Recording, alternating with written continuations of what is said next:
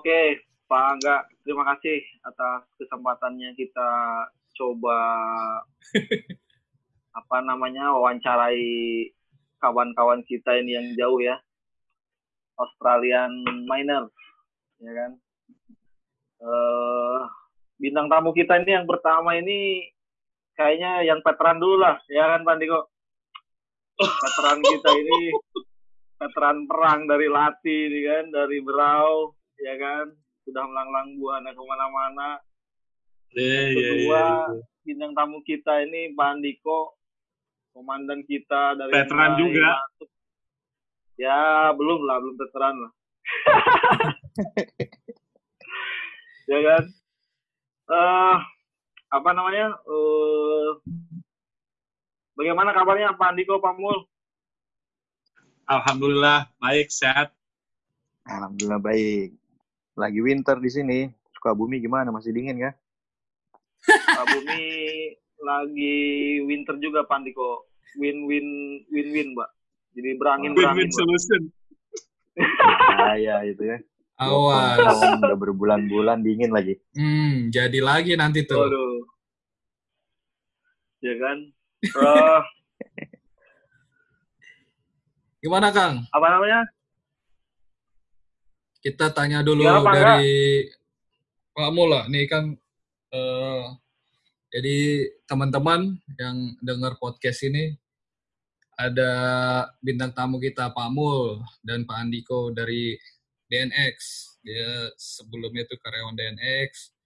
Sekarang masih juga karyawan DNX, cuman uh, lagi ditugaskan di Australia di bawah ya. Dino Nobel Asia Pasifik. Uh, ya udah hampir setahun lebih ya, Pak Mul, Pak Andiko ya?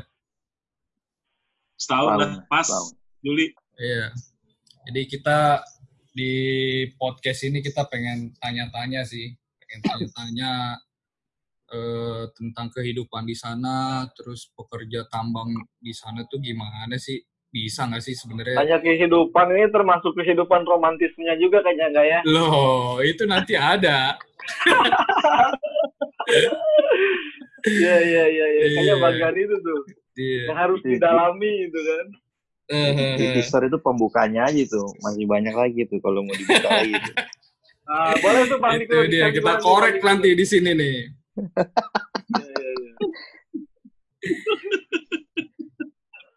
Iya. Ya siapa tahu informasinya berguna kan buat teman-teman yang dengar yang emang pengen tahu eh, tambang di Australia itu gimana sih? Bisa nggak sih sebenarnya pekerja Indonesia, insinyur Indonesia itu kerja juga di di sana gitu kan? Karena memang kan secara uh, secara tipikalnya mungkin agak sama di dengan tambang di Indonesia ya. Dan perbedaannya mungkin nanti bisa kita ngobrol-ngobrol juga. Mungkin yang pertama nih, uh, pertanyaan pertama nih Pak Mul, Pak Andiko, biar teman-teman tahu uh, dari backgroundnya sih, background dari Pak Mul sama Pak Andiko nih kerja di DNX sudah berapa lama? Pak Mul, Pak Mul dulu saya, deh. Saya dulu ya. Ya. Pak Mul, uh, dulu. Kalau saya totalin masuk kerja ah, awal 2000 tahun 2000 start awal di hmm. maintenance masih trainer. Itu juga belajar dulu. Ya berat lah perjuangan. Uh, di situ kerja langsung sama bule. Ya pertama kali kerja sarjana walaupun cuma D3 potong kayu buat gajal truk. Wah berat hmm. banget ini kan. Ini kerja atau gimana nih? Tapi uh, total deh sudah 20 tahun lebih ya saya ngabdi di Dino belum pernah pindah. Belum pernah ke mana-mana ya. Hanya Dino kalau mungkin kalau dilihat semua uh, apa yang saya dapat apa yang saya punya uh, itu hasil Dino semuanya Yep. Jadi Lama sekali ya Pak ya, hampir 20 tahun ya. Antes dibilang ya. veteran kan? Iya. 20 tahun di Dino ya. Awalnya Dino ya, Pak Mul ya. Di Sangatta waktu itu Pak Mul ya. Ya, awalnya saya start di KPC, masuk eh, sebagai trainer di KPC di Departemen Maintenance. Eh, Hmm. Ya, Oke. saya termasuk orang yang eh, mau belajar, terus dua tahun masuk Dino sudah berani dikirim ke tambang emas. Hmm. Ah, itu gila juga itu pengalaman sama Pak Agus, sama Mandor Gago ya. Jadi tiga sekawan, Mandor Gago, saya dan Pak Agus ya. NHM ya Pak Mul ya. Yang Pak Mandor, NHM ya. ya NAM, Hmm. NAM itu merintis pertama kali di NAM kita blasting pakai truk segede bagong, lubangnya cuma 6 in. Lu bayangin lo, pakai arko. Iya iya iya iya. Zaman-zaman Iya. belum merdeka kayaknya itu Pak Mul ya kan. Ya, tapi terus terang semua semua bahagia gitu ya. Nggak ada mikir oh gimana susah, jalanin aja. Gitu. Iya, iya. Ikhlas Pak Pakai ya. mobil, Jalanin. Pakai mobil Land Cruiser isinya cuma tiga orang kan memang bertiga, baru boxnya bisa diturunin lagi. Baru boxnya kayak box box ini ngampas rokok itu baru orang-orang bilang orang-orang situ bilangnya memang orang Deno selera pemberani kan kayak rokok aja gitu. Iya iya iya. Jadi Nah, udah dua- 20 tahun Pak Mul di di DNX ya. Di Dino mulai dari KPC Dari Sangatta terus DNX 20 pindah tahun ya. ke tambang emas, sempat juga di Brau Bukan sampai akhirnya itu Pak enggak ya. iya. Sampai akhirnya ditugaskan di Australia sekarang ya. Kalau Jadi Dino, DNX, ke Dino lagi berarti kan? Waduh. habis itu ke akhirnya DNX lagi. Bang. lagi lah. Iya, iya, iya, iya. iya. Sekarang lanjut ke Pak Ah, Andiko, Pak Andiko. Pak Niko, gimana Pak Niko? Ya, saya sendiri gabung dengan Dino itu 2005. Kebetulan fresh graduate waktu itu. 2005 di sama di KPC juga, ketemu juga sama veteran kita ini. Iya iya iya. Ya, Jangan itu cerita warning ya. Saya pernah dengar cerita ini Pak enggak? Warning-warning antara Pak Niko Pak Mul ini pernah dengar ini ceritanya ini. Itu nanti aja lah. Iya iya iya. Kita lanjut dulu. Hmm. Iya, 2005 gabung sebagai fresh graduate, ditempatin di plan departemen. Kemudian di kalau nggak salah pertengahan 2006 ya, secara resmi itu Dino Indonesia diakuisisi sama kompetitor kita yang sama-sama dari Australia itu kan. Hmm. Terus ya stay sebentar di situ, kemudian keluar ke perusahaan lain, kontraktor mining, terus sempat ke perusahaan emas juga di Kalteng, kemudian join balik lagi dengan DNX di tahun 2011, Ju- Juli 2011 sampai sekarang. 9 tahun lah Pak ya. Iya. 9 tahun di DNX. Sebelumnya Ya fresh kebetulan graduate. Hmm. dari fresh graduate keluar masuk perusahaan juga ya selalu di blasting terus sih. Oke. Emang basicnya backgroundnya udah blasting Andiko ya. Dan Biasanya gitu sih Pak enggak kalau awalnya Iya. blasting itu sampai ininya blasting terus kayaknya itu. hmm. Sarjana Lengket. S1 tambang ya Pak? Ya, S1 tambang. Oh, teman-teman. Jadi eh, ada Pak Mul, dia backgroundnya dari D3, terus sudah berpengalaman kerja 20 tahun di DNX. Ada Pak Andiko juga, sarjana S1 tambang dari lulusan di Indonesia juga. Eh, sekarang udah bisa eh, bekerja di Australia. Jadi yang penting setiap eh, melakukan pekerjaan kita kasih yang terbaik. Tadi Pak Mul bilang tuh Yap. Masa-masa Yap. sulit semuanya dihadepin, semua tantangan kita hadepin ya hasilnya nggak akan pernah bohong. Yap. Jadi akan ada Betul betul Pak enggak betul. development di sana buat Betul, skill betul, kita. Yap. Oke, Kang Lutfi, lanjut lagi Kang. Pertanyaan kedua. Dan kedua nih, buat Pamul sama Pak Andiko nih. Side base. Di mana side base kita nih masing-masing ini, Pamul? Base-nya itu di nih? Australia sekarang di mana nih? Side-nya. Ya. Saya dulu ya.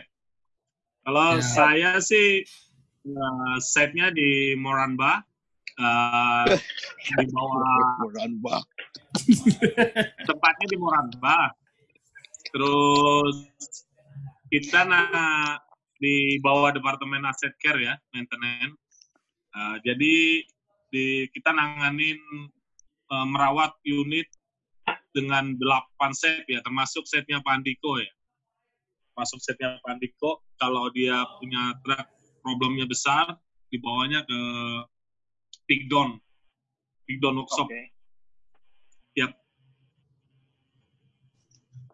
Moranbah Gitu, tuh Australia mana Pak Mul? Moranbah itu Queensland.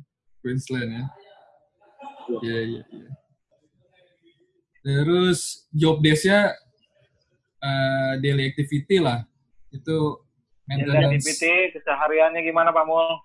Apa kesehariannya aset care ini nih? Maintenance aset care ini apa nih Pak Mul? Kesehariannya ini? Apa Ya. pegang kunci terus gitu?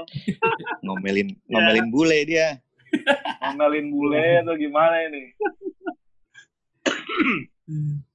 ya aset care ya, kita jadi ada 8 site itu semuanya jadi semua unit itu dikirim ke Pigdon untuk servis besar sebagian ada yang servis di di tempat kayak di Pak Andiko tuh kan di mana Eh, mana Pak Andiko Mora, Dawson, Dawson. Mora. Di Mora itu ada punya workshop juga tapi dia servis-servis biasa. Kalau misalnya servisnya nanti ganti engine ataupun trouble besar kirim ke backdown ada juga Capabella ada juga uh, High Creek. High Creek juga punya workshop. Uh, dia punya 8 unit truck. Tapi kalau servis besar dikirim ke Pigdon jadi semuanya di Pigdon itu uh, nanganin 8 site. Dan kita harus semua truknya eh, dikasih waktu sekitar tiga hari ya jadwal servis itu tiga hari. Terus nanti kita audit dulu. Setelah audit kita ketemu sama supervisi kita ketemu Hmm. bicara bahwa truk ini mau berapa lama nih? Ada pekerjaan besar nggak? Hmm. ada yang Ya. trouble besar nggak? Nah di situlah kita nanti ditentukan. Oke eh, mereka punya spare truck sih itu hebatnya di Australia ya jadi kalau misalnya Oke. nanti lebih pada tiga hari, mereka akan keluarkan itu truk spare-nya untuk berangkat ke ke set yang dibutuhkan itu. Nah di Ya, situ ada kita perbaikan yang berkepanjangan ya Pak Mul ya. ya dia pokoknya nggak mau sampai customer juga eh, ribut gara-gara nggak punya truk ya. Nah di situlah mereka kasih truk kita, baru kita servis truknya dengan benar. Dan targetnya sih 100% truk itu keluar nanti sampai servis lagi harus 100% juga. Nggak Oke. ada masalah di dalam. Jadi hampir hampir Kan 8 makanya site ya Pak waktunya Mul ya. sampai malam mereka. Hampir 8 site berarti Pak Mul ya semuanya berada di bawah eh, apa namanya maintenance-nya aset care ini ya Pak Mul ya. Betul. Amul. Berarti sementara Yap. servis kita, eh, Dino menyiapkan truk spare ya? Ya mereka semua kayak di Capabella punya satu truk, di High Creek punya satu truk, di mana lagi semua kayaknya semuanya ada kayak BMA itu ada dua truk untuk spare-nya. Terus BMA. kalau ini Pak Mul, kita kan bicara truk yang isinya bahan peledak ya. Yap. Terus kan side-side-nya jauh nih ya. Ya Pak, Ya. harus travel lah, harus travel darat. Itu gimana polisinya di sana, peraturannya di sana tuh? ya Kalau di sini kan banyak kalau- tuh eh, peraturan yang mengikat terkait dengan bahan peledak. Kalau di sana gimana Pak Mul? Dia ya bisa kalau lalu lalang aja. mereka mau kirim kalau mereka mau kirim set truk kita uh, truk ke Pigdon, mereka Hmm. harus memang harus waktunya harus dikosongin. Levelnya ya paling rendah level 1 lah ya. Hmm. Level 1 itu masih ada sekitar Emerson sekitar 2 ton, AN juga sekitar masih ada lah. Oh, jadi nggak perlu Dan dekontaminasi ya, Pak Mul ya?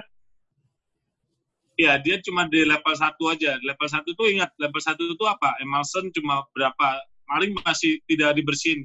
Kalau sudah nanti levelnya grade-nya 3, 5, 4 sampai 5 itu kan mereka harus kayak kita mau oh, mau lelang truk atau mau jual truk atau mau dikirim lagi untuk diperbaikin di eh, Polpo gitu kan.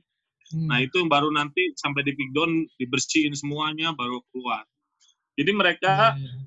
eh, ada sistem namanya resil itu kan. Nah, Hmm. kalau kita lihat di asesmen itu ada namanya ceiling dibilang kan, coba lihat di asesmen itu. Yang namanya, aduh udah lupa namanya, yang biasa untuk di asesmen apakah semua alat sudah di lock. Nah, itu dia pakai seal. Jadi truk itu keluar dibersihkan dulu sama operator, dipompa semua, dipindahin ke truk yang satunya. Walaupun tidak sempurna bersih, bisa dikeluarin, tapi di- semua dikunci. Dipasang kayak tag itu warna putih, dan itu ada registrasinya semuanya. Nanti kalau ada yang buka, mereka harus ganti.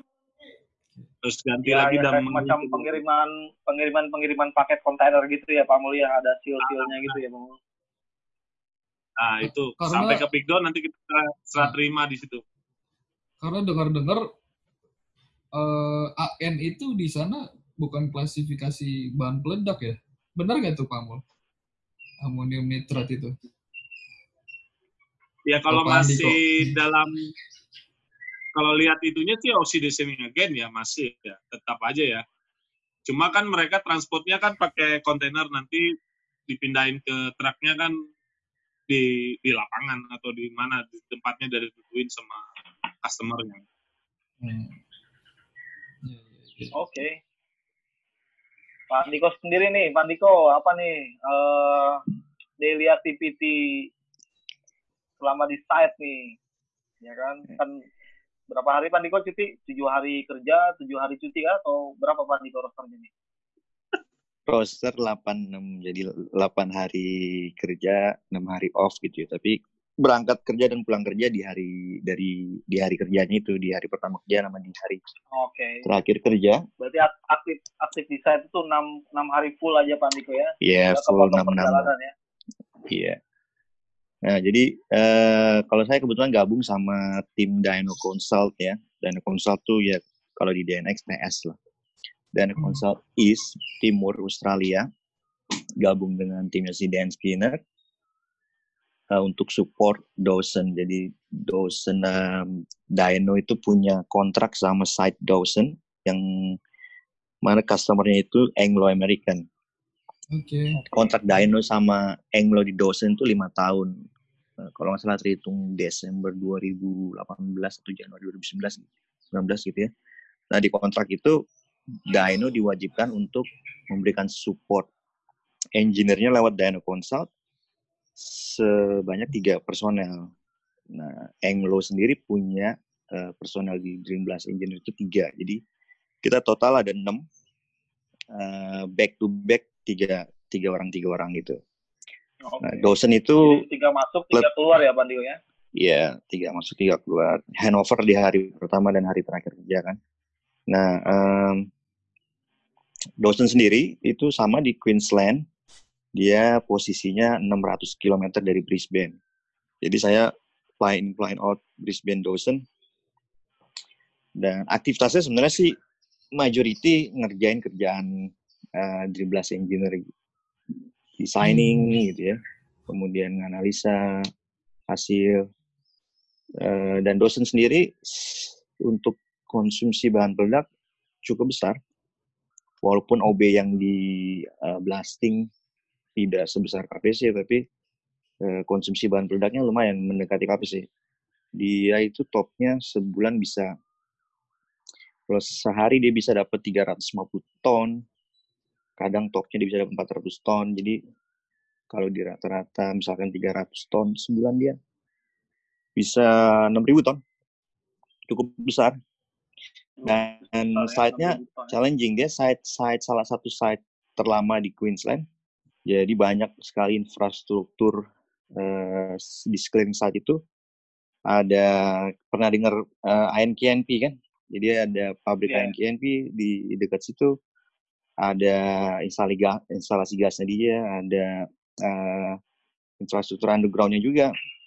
Kemudian eh, dekat dengan eh, komunitas juga. Jadi eh, kita di situ eh, memanage blasting eh, agar vibrasinya tidak melebihi limit sama lah kayak di Brau di Adaro gitu ya overpressure Iya. kemudian memanage eh, dampak dari fume-nya juga jadi menariknya mereka sangat serius gitu untuk fume ini. Sampai eh, kita harus melihat perakiraan cuaca gitu ya arah angin. Oke. dan itu pun Arah masih angin ya? harus di arah angin. Ah, itu pun masih harus dites lagi di di hari firing day. Di shot fire tuh nerbangin balon tuh. Arah anginnya sesuai nggak dengan forecastnya gitu? Balonnya menuju Oke. ke area kritikal nggak? Itu masih dicek lagi sama dia. Kalau menuju ke area kritikal di stop dulu sama dia ditahan dulu belum Oke. nggak nggak Jadi kan kayak firing. kayak pakai yang kayak di bandara-bandara gitu, Pak Diko, yang Nah. koren-koren gitu. Iya, balonnya diterbangin bebas gitu aja dilihat dia lari ke mana kan. Jadi Oke. cukup menarik gitu. Jadi selain manage vibrasi, fume, ada terusin blastnya juga. Dan eh, kita belajar di sini eh, blasting dengan volume besar ya karena dia pakai dra- drag line. Selain track and track and circle dia pakai drag line. Jadi blasting dengan kedalaman 50-60 meter. Jadi, cukup challenging. Dengan bah- blasting challenging sebesar banget. itu kita harus masih harus maintain vibrasi gitu. ya. Kalau Iya. di Iya, iya, iya, sama rata iya, itu iya. berapa isinya? Apa Ya, perlu kita kilo. kirim konsultan vibrasi ke sana, Pak Diko, ya kan? isinya 50 kilo itu diketawain. Iya, iya, iya. iya. Jadi ya cukup cukup menarik lah, cukup menarik dosen ini. Tapi Sementara Diko masih- ngomong-ngomong, vibrasi ke arah kritikal itu eh, apakah grade-nya sama seperti eh, vibrasi di Indonesia, SNI, SNI seperti itu, Pak Diko? Atau mereka punya klasifikasi sendiri, Pak Diko? Maksudnya limit. Ya, limit-limit. Ya, ya ma- masing-masing eh, area kritikalnya dia punya limit sendiri. Jadi ya yang jelas nggak nggak kayak Indonesia lah, nggak ada yang limitnya dua itu nggak ada. Ya, ya, ya. Eh, ya, kalau ya, mayoritas kalau untuk ke community, community itu dia eh, lima limitnya, Lima ya. lima. Kalau di kita lima ini berapa ya, Pak Angga, ya? Kalau lima ini? Nggak ada yang bayar rasa loh ya. Lima ini udah bangunan modern kali. Kalau dua itu kan bangunan Modern, kuno di SNI. Cocoran ya. ya? Oke. Iya. Bangunan kumo sama sarang walet ya kan? Terus ini eh Andiko berarti back to back ini dengan job desk yang sama ya dengan dengan customer ya, dengan Ya. Anglo-nya ya. Engineer Iya. Anglo ya. Iya, Di- jadi kita kerjasama, eh, semua kerjaannya sama, lah, nggak nggak ada yang hmm. eh, beda. Jadi se- semuanya harus bisa ngerjain eh, apa semua jenis pekerjaan yang sama. Jadi begitu satu nggak ada tuh yang lain bisa backup. Dan dengan eh, apa namanya sistem seperti ini kemarin Anglo itu sempat eh engineer ada yang resign, ada yang cuti tahun setahun gitu ya, ada yang ada Oh. yang di apa ditransfer ke apa role yang lain dan sempat kosong itu. Nah beruntungnya mereka punya Dino sebagai support engineer di situ, jadi aktivitas di nya tetap jalan tanpa terkendala gitu ya. Oke. Terus dengan Ya. volume besar ini seminggu bisa berapa kali blasting Pak Andiko? Nggak tiap hari dong. Kalau rata rata-rata paling seminggu dua kali. Itu udah paling sering sih, Seminggu dua kali ya. seminggu dua kali. Tapi ya tiap hari ngisi ya. Seminggu dua Ngisi. seminggu dua kali itu itu udah blastingnya Pak Diko paling sering pula lagi kan? Ya. Sekali blasting puas banget tuh. ya. lihatnya. Dan Sekali Dawson charging yang tadi paling paling sam- paling royal dalam eksplosif ya. Kalau kalau side side lain tuh informasinya mereka paling PF untuk direct line tuh 0.6, 0.7. Kalau Dawson tuh dia bisa pakai satu. Udah kayak tambang emas aja kan. Iya, Buset, iya, batu bara satu ya. Dia jadi batu bara satu. Mereka mereka royal kalau untuk eksplosif ini. Dibanding side-side lain paling royal dia. Dan dia selalu pakai eh, double prime. Jadi Oke. setiap kalau misian tuh diisi double prime mau itu elektronik, mau itu nonel, double prime mau itu kedalaman cuma 3 meter, dia di double prime. Jadi dia eh, sangat menghindari misfire, sangat menghindari macet sedikit aja tuh eh, alatnya entah itu dragline atau Sovo. Jadi cukup royal gitu. Bagus sih buat buat provider eksplosif dos, dosen tuh side primadona lah. Iya, Iya, iya, iya, iya. menguntungkan. Hmm. Oke, Kang. Pertanyaan Oke. selanjutnya nih. Eh, buat Iya. Amol sama Pak Andiko. Selama setahun ini Suka duka. suka duka, nah, suka duka bekerja di negara orang tuh Suka gimana? dukanya. Gimana Pak Mul? Suka dukanya apakah suka terus atau duka terus? Atau sukanya 30%, dukanya 70%, atau sebaliknya nih Pak Mul nih? Iya, iya, iya. Kalau eh, saya sih di mana aja bumi dipijak saya untuk belajar belajar untuk bahagia terus. Jadi Oh, iya, iya. ya memang memang kendala kita bahasa ya. Kadang mereka bahasanya kan bahasa slang kan susah kita untuk mengerti kan ya. Apalagi kalau ketemu mereka kita juga belum mereka begitu cepatnya bicara gitu kan. Kadang-kadang oh ini ngomong apa gitu ya. Tapi suka dukanya di situ aja. Terus kita juga belum tahu seluk beluk Australia seperti apa ya banyak-banyak sharing sama Pak Andiko juga lah ya kalau bisa Bagaimana cara- apa, Bagaimana cara menyikapi yang tadi Pak Mul, dukanya komunikasi dengan mereka Pak Mul? Menyikapinya bagaimana? Tadi misalnya kan disebutkan ngomongnya terlalu cepat, kemudian juga mungkin berbeda kultur, ya kan? Bagaimana cara nyikapinya langsung itu Pak Mul? ya kalau saya sih mencoba untuk tidak merasa malu ya bertanya terus ini apa maksudnya kenapa gitu kan. Kalau kita jujur sama mereka mereka juga eh, baik sama kita kok. Mereka kasih tahu apa Oke. itu semuanya. Nggak ada nggak ada masalah ya.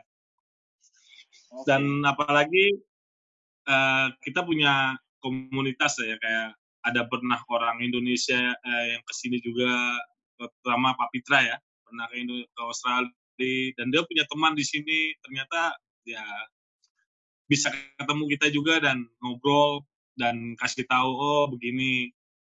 Misalnya kita mau bikin SIM oh kita gimana sih? Nggak punya anu nih license di ini. Ternyata oh kamu bikin aja ke sini nanti. Nah, ternyata oh bisa. Bis itu oh kita bikin license lagi sendiri di online. Oh ternyata bisa. Ya begitu begitulah banyak banyak banyak cerita cerita yang menarik Tapi ada- banyak-banyak tanya ya Pak Mul ya. Eh, tapi ada dong sedihnya dong, dukanya dong. Nah, Dukanya apa nih? Apa misalnya ya misalnya dari ap- apalagi lagi jauh nih, lagi jauh nih, long distance relationship ini enggak. Eh, winter lagi kan dingin ya. nah Winter itu lagi kan. makanya daging terus lagi, ya kan?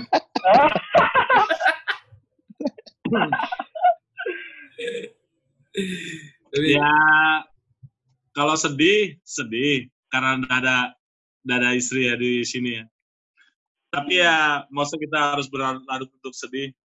Tugas kita masih Iya, iya. masih panjang. Masih banyak orang yang di belakang kita butuh support kita. Jadi ya tetap tegar terus lah. Kalau masalah Iya. yang begitu ya ya sabar saja. Tuhan pasti punya cerita lah Iya iya iya. Iya, Gua iya, kirain, iya, iya, gua iya. kirain tadi mau ngomong masih banyak yang di Gladstone. Ada. Aduh, iya deh. tahu Gladstone ya. Kalau Pak Andiko gimana Pak Andiko? Selama setahun ini. Ya suka dukanya kalau di Brisbane sih banyak sukanya kalau di Brisbane.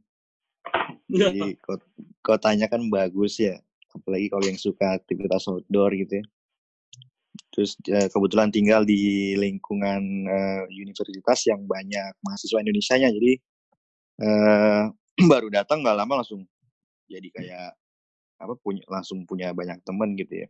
Hmm. Istri juga kalau ditinggal gitu pas saya kerja ke site eh, ada temennya gitu, ada tetangga eh, deket rumah Indonesia juga, jadi nggak terlalu sulit lah untuk Brisbane. Kalau di site ya pasti ada suka dukanya.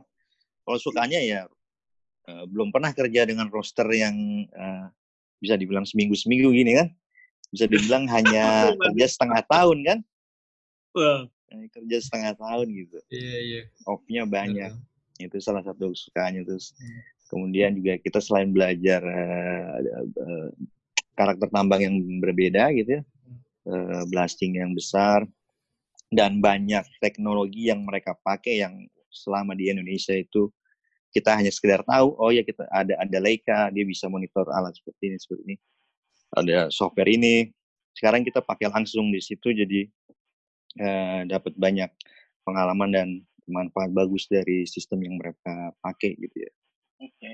kalau dukanya dukanya ya kita kan orang Indonesia Muslim gitu ya. Pertama pasti kan orang Muslim selalu kesulitan makanan kan. Kita ma- iya, iya. setiap makan di mess hall itu kita pastiin ini ada B2-nya apa B2. enggak kan. ada B2-nya apa enggak gitu kan.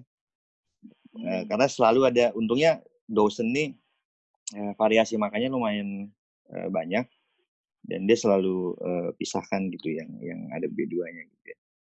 Jadi ada pilihan lain kayak entah itu chicken, beef atau turkey atau yang lainnya gitu ya. Itu Oke. satu. Terus satu lagi ya kalau di Indonesia kan setiap site pasti ada tempat sholat kan. Kalau Iya. di sini kan nggak ada gitu Musola, ya. musola. Nah, nggak ada, Pak. Jadinya bikin musola sendiri. Untungnya, waktu baru datang itu eh, masih ada engineer Indonesia yang dulu dia sempat kerja di KPC juga.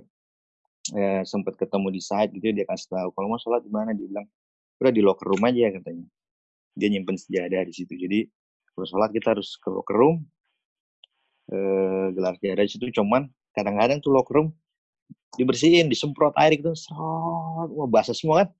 Mau sholat, Hmm. wah nggak bisa balik dua jam lagi gitu kan atau kalau nggak dicari-cari spot yang udah kering gitu nah paling dukanya itu sih kalau eh, Iya, iya. kerja di site Iya. Eh, kalau sukanya sih ya itu tadi belajar eh, sistem baru karakter tambang yang baru roster bagus terus eh, orang-orangnya friendly dan dan eh, rata-rata eh, imigran semua banyak imigran ya Hmm. Oke. Jadi di Anglo itu eh, yang kerja engineer-nya tuh variasi banget. Ada yang dari South Africa, ada yang dari Brasil, ada yang dari eh, Zimbabwe, ada yang Oh. dari eh, India. ada Oh, yang dari jauh-jauh ya, Niko ya?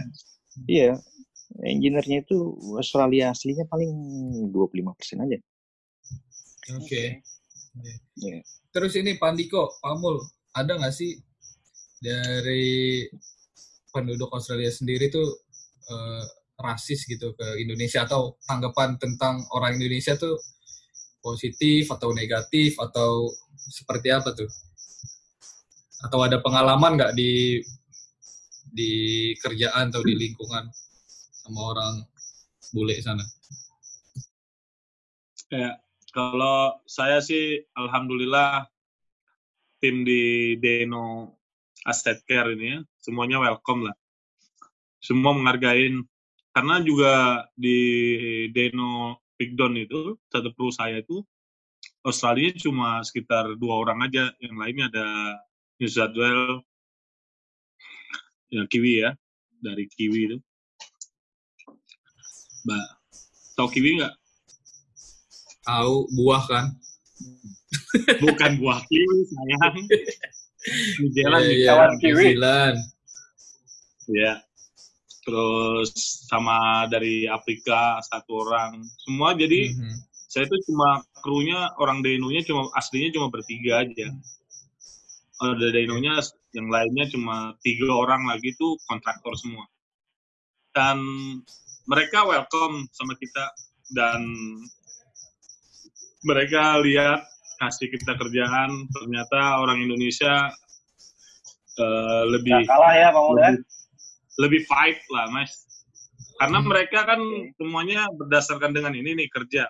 Misalnya oh udah lu uh, basicnya uh, mesin diesel. Ya udah baikin gitu aja diesel apa semuanya jadi belajar untuk mixingnya juga nggak terlalu banyak. Yang gimana cara ngatasinnya.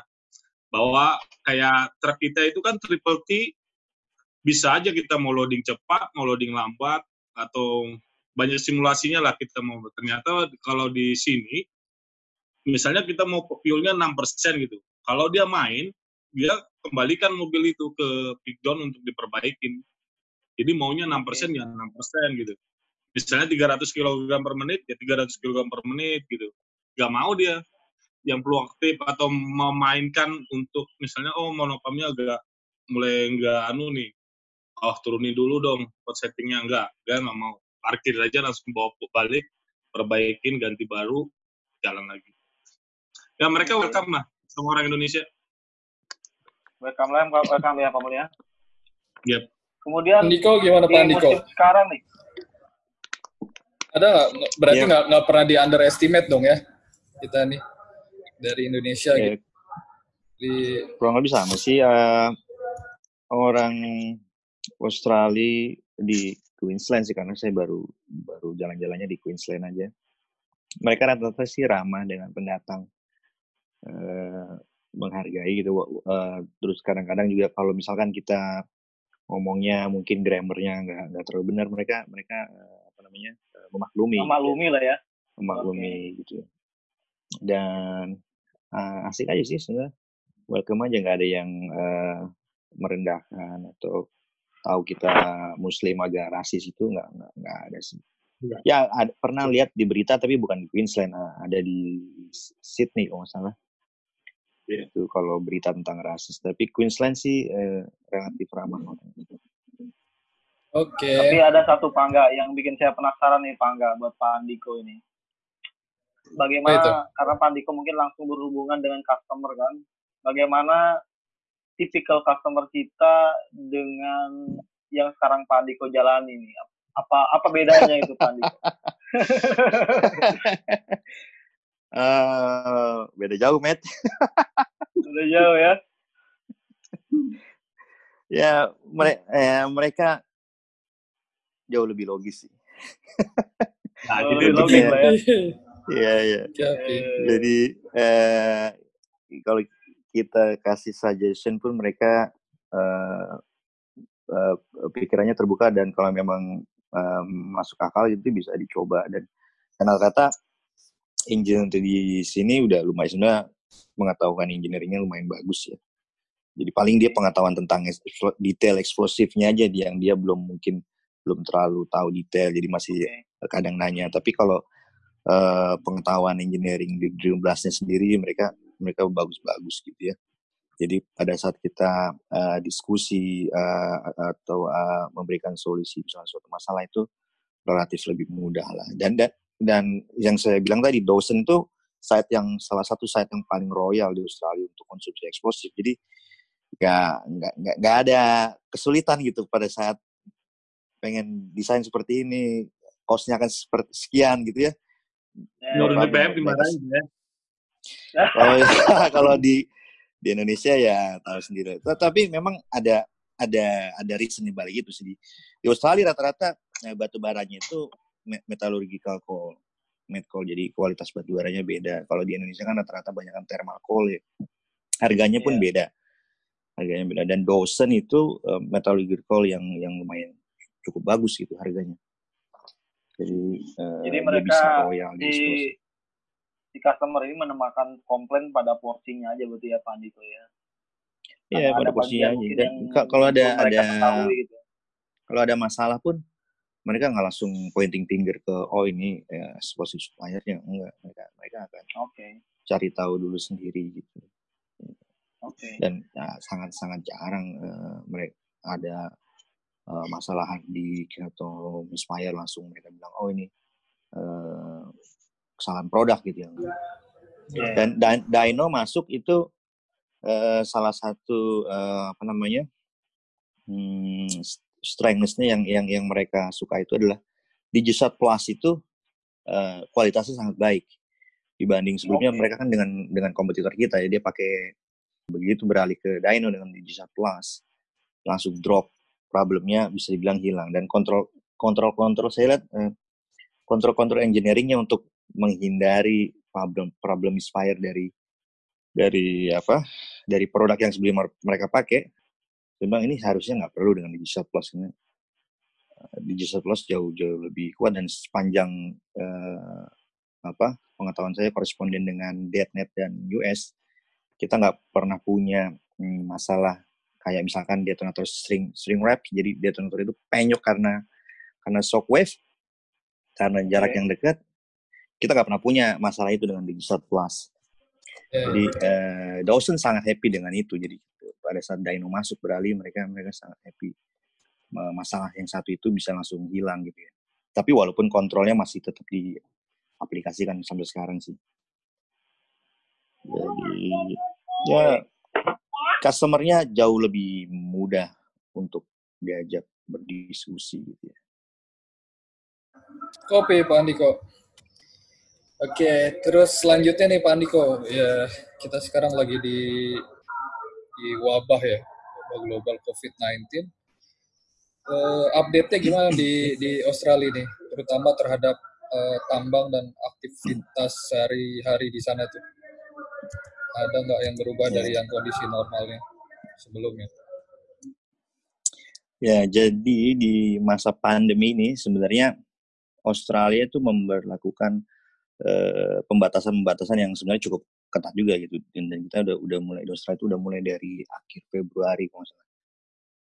Dari pembatasan jumlah orang berkumpul dari 100 ke 50 sampai akhirnya hanya dia boleh dua orang.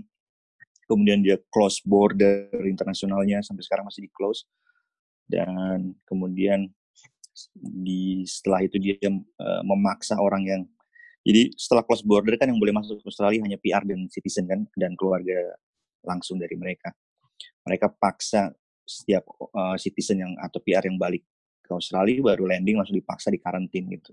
Dan itu cukup cukup ampuh menurunkan kasus baru.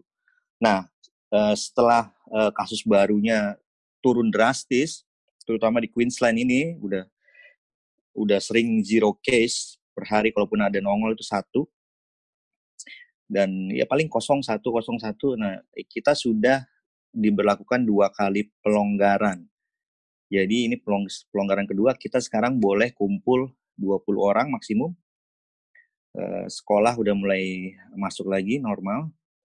Kemudian untuk tambang sendiri sebenarnya tambang dari sejak diberlakukan pembatasan-pembatasan itu nggak terlalu banyak berpengaruh dari sisi aktivitasnya karena tambang dianggap essential worker. Jadi kita tetap boleh jadi, beraktivitas tambang tetap jalan gitu. Cuma memang dengan aturan-aturan uh, kayak uh, split team sama lah itu di di kantor di City juga melakukan hal yang sama orang dibagi kemudian saya sampai sekarang di saat itu mesolnya nggak boleh lagi dipakai untuk makan hanya take away aja itu masih sampai sekarang jadi ad, yang berubah hanya apa namanya adanya pembatasan-pembatasan kayak physical distancing dan dan tadi yang mass solar away. Tapi aktivitasnya dari awal diberlakukan pembatasan-pembatasan di Australia, semua tambang masih beroperasi. Saya rasa di tempatnya Pak Amu juga begitu masih masih tetap yeah. beroperasi normal gitu. Dan sekarang sih alhamdulillah ini dengan pembatasan kedua sebenarnya udah udah kelihatan seperti normal aja. Kita boleh jalan-jalan ke seluruh Queensland. Uh, bebas mau jalan-jalan mau uh, wisata gitu ya. Cuman memang untuk traveling interstate kita masih uh, belum boleh. Jadi ada ada uh, state tuh negara bagian kayak provinsi besar lah iya. istilahnya. Yeah. Queensland, yeah, yeah. South Wales, ada Victor, uh, Victoria. Jadi Queensland sendiri masih sangat uh, protektif gitu dia nggak mau buka bordernya untuk state lain gitu. Jadi ya paling kita jalan-jalan di sekitar Queensland tapi Queensland itu udah gede banget kan. Queensland tuh mungkin 4 5 kalinya Pulau Jawa gitu ya. Waduh. Ya, kita explore dulu Queensland lah. Makanya kemarin ada mancing-mancing tuh di tempat bosnya yeah, Pamul yeah, tuh. Yeah, yeah. yeah, Saya kira itu di Sungai Mahakam, Pak Andiko, ya kan? Eh, Bawa lumayan. jaring-jaring saya kira di Sungai Mahakam itu. Dari Haruan kan. Mujair dapatnya itu. Oke, lanjut nih. Lanjut nih Pak, pertanyaan terakhir nih. Peluang pekerja tambang di Indonesia untuk bekerja di Australia tuh gimana? Apa perlu skill khusus atau perlu apa peluangnya seperti apa dengan kondisi saat ini ya? Karena saya dengar-dengar itu Australia sekarang lagi kekurangan insinyur ya, insinyur tambang. Nah, Hmm. mungkin ada peluang buat bekerja insinyur Indonesia ke Australia itu, Pak.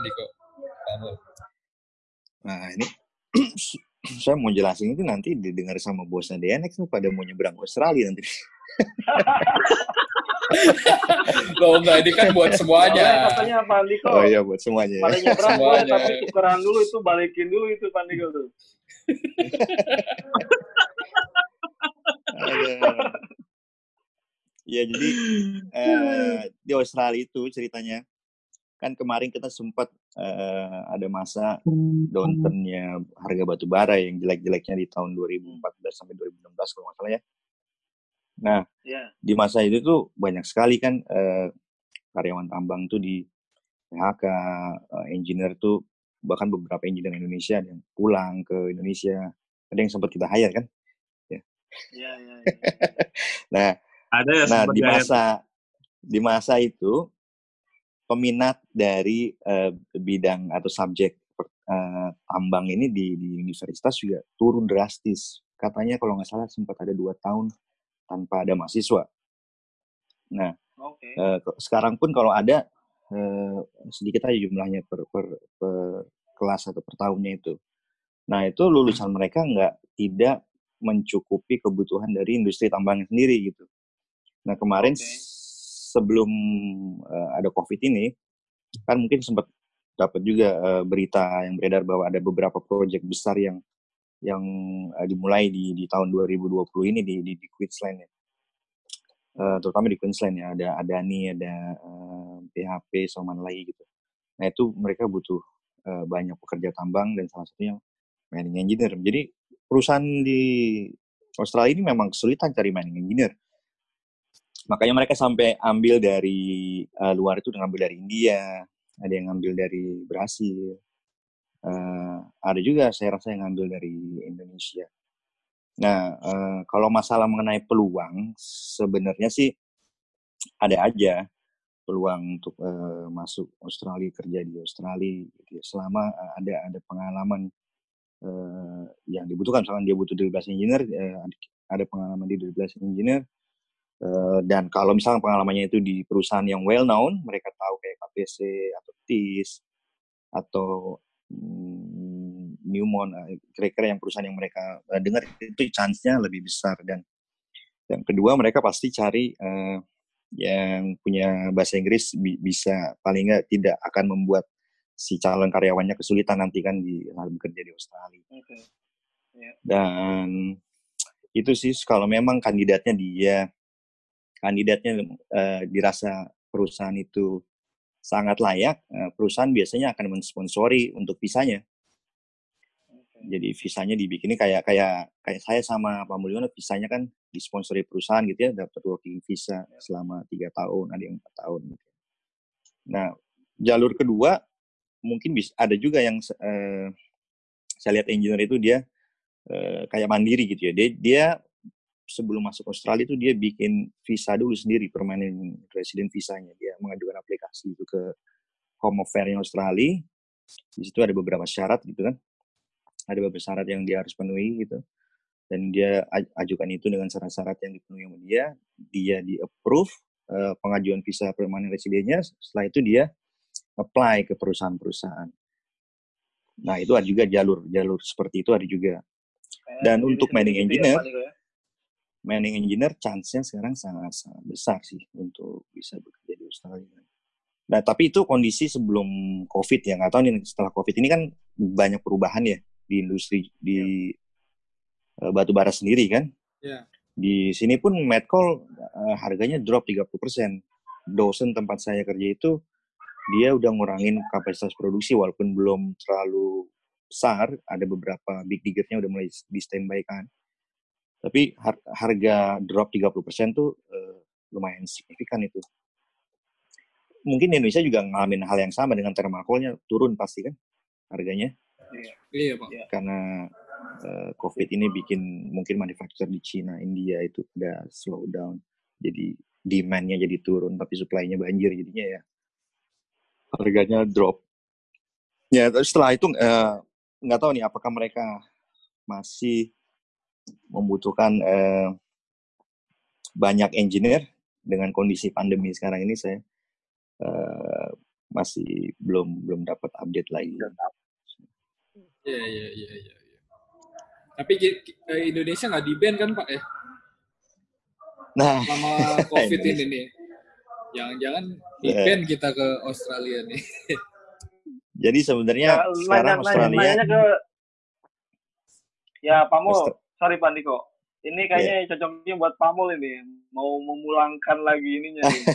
Iya, iya. Ini cocok ini. Gimana Pamul? Apakah Indonesia di ban Pamul?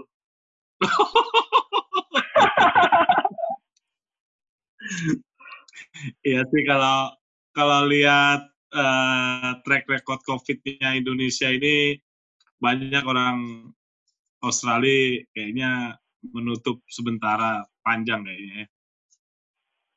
Karena karena COVID ini ya. Kalau masalah kemampuannya sih yakin Iya, iya. lah bisa. Berarti masih lama ini perjalanan Pak Mul.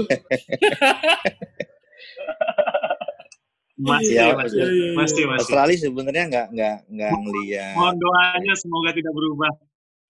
Iya, iya. nggak nggak ngelihat spesifik Indonesia sih semua negara masih tertutup dia kan cuma Oke. info yang saya dengar Iya, terakhir betul. baca berita itu mereka sedang mempertimbangkan untuk membuka bordernya buat student sama eh, orang yang akan tinggal agak lama di Australia Hmm. Eh, jadi Iya. kayak misalkan orang masuk pakai working visa, visanya istrinya Pak Amul kan sama dengan Pak Amul ya.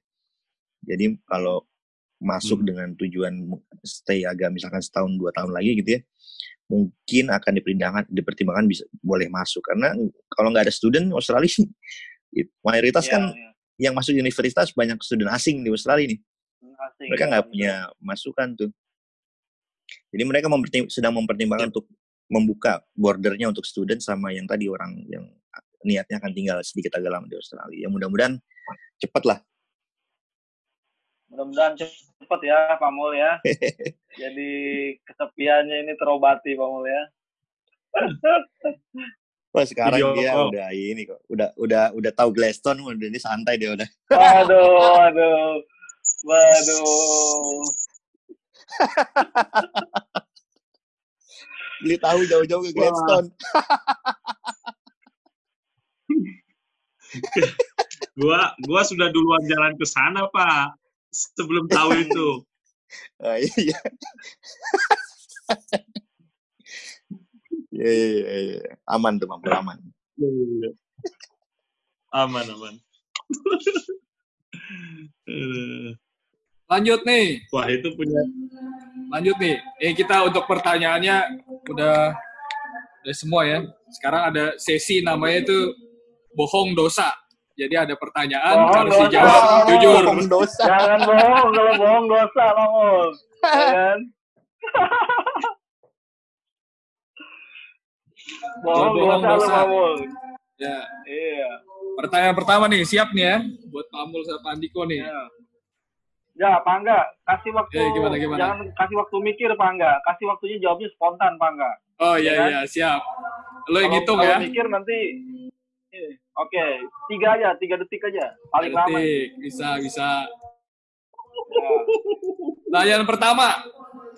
Pengen lanjut Ya. kerja di sana atau pulang kampung? Pamul. Satu, kalau lihatnya Dua. sih pingin di sini. Pengen di sini. Oke, Pak Andiko. Lihat kondisi ya. Kalau tambah hancur Indonesia, coronanya tetap di Australia. Aduh, ya ya ya ya. Terus eh kangen nggak balik kerja lagi di DNX? Pak Andiko, Kangen. Kangen. Tuh kangen dong. Oh, kangen ya. Iya, iya. Kangen, kangen. Selanjutnya Jadi nih, Kang. nomor, nomor, tiga, Pamul, Pak Andiko. Oh, mungkin buat Pak Andiko ini, enggak lah, Pamul aja. Cantikan mana, Pamul? Yang lokal atau interlokal, Pamul? Cantikan yang lokal lah. Oh, yang lokal, ya. Lokal Gladstone maksudnya.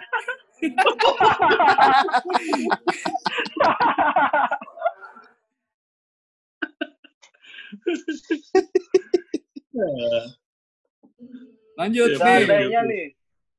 Nomor, nomor empat, Pangga, lanjut. Lanjut. Seandainya masih single, Pamul, ya kan? Pengen nggak punya istri bule dan menetap di sana ini? Enggak lah. Pengen tetap orang Indonesia lah. Oh, iya. Makin ngaco nih pertanyaan. Bohong, bohong dosa loh ini. Oh, enggak lah, Pamul, ya kan? Kagak, gua cinta tanah kelahiran gua. Lanjut, Pangga. Pak Andiko belum, Pak Andiko. Oh, ya. Pak Andiko ini. Apa tuh? Pertanyaan yang sama ya? Iya, yang sama. yang sama. Yang sama. Eh, ja- jangan bule Australia lah. Carinya orang asing tapi jangan bule Australia. Cari yang timur Oh. tengah gitu kan. Asik. Berarti beda seleranya. Seleranya beda. Iya, iya, iya, iya, iya. iya. Terus yang Kelima, terakhir nih. Yang terakhir nih. Terakhir, Kang, Bang, Kak. ya. Lebih banyak mana? Tabungan sekarang atau tabungan yang dulu? Tabungan sekarang. Gimana Pak Mul? Tabungan sekarang. Tabungan sekarang? Iya. Eh, Pak Andiko?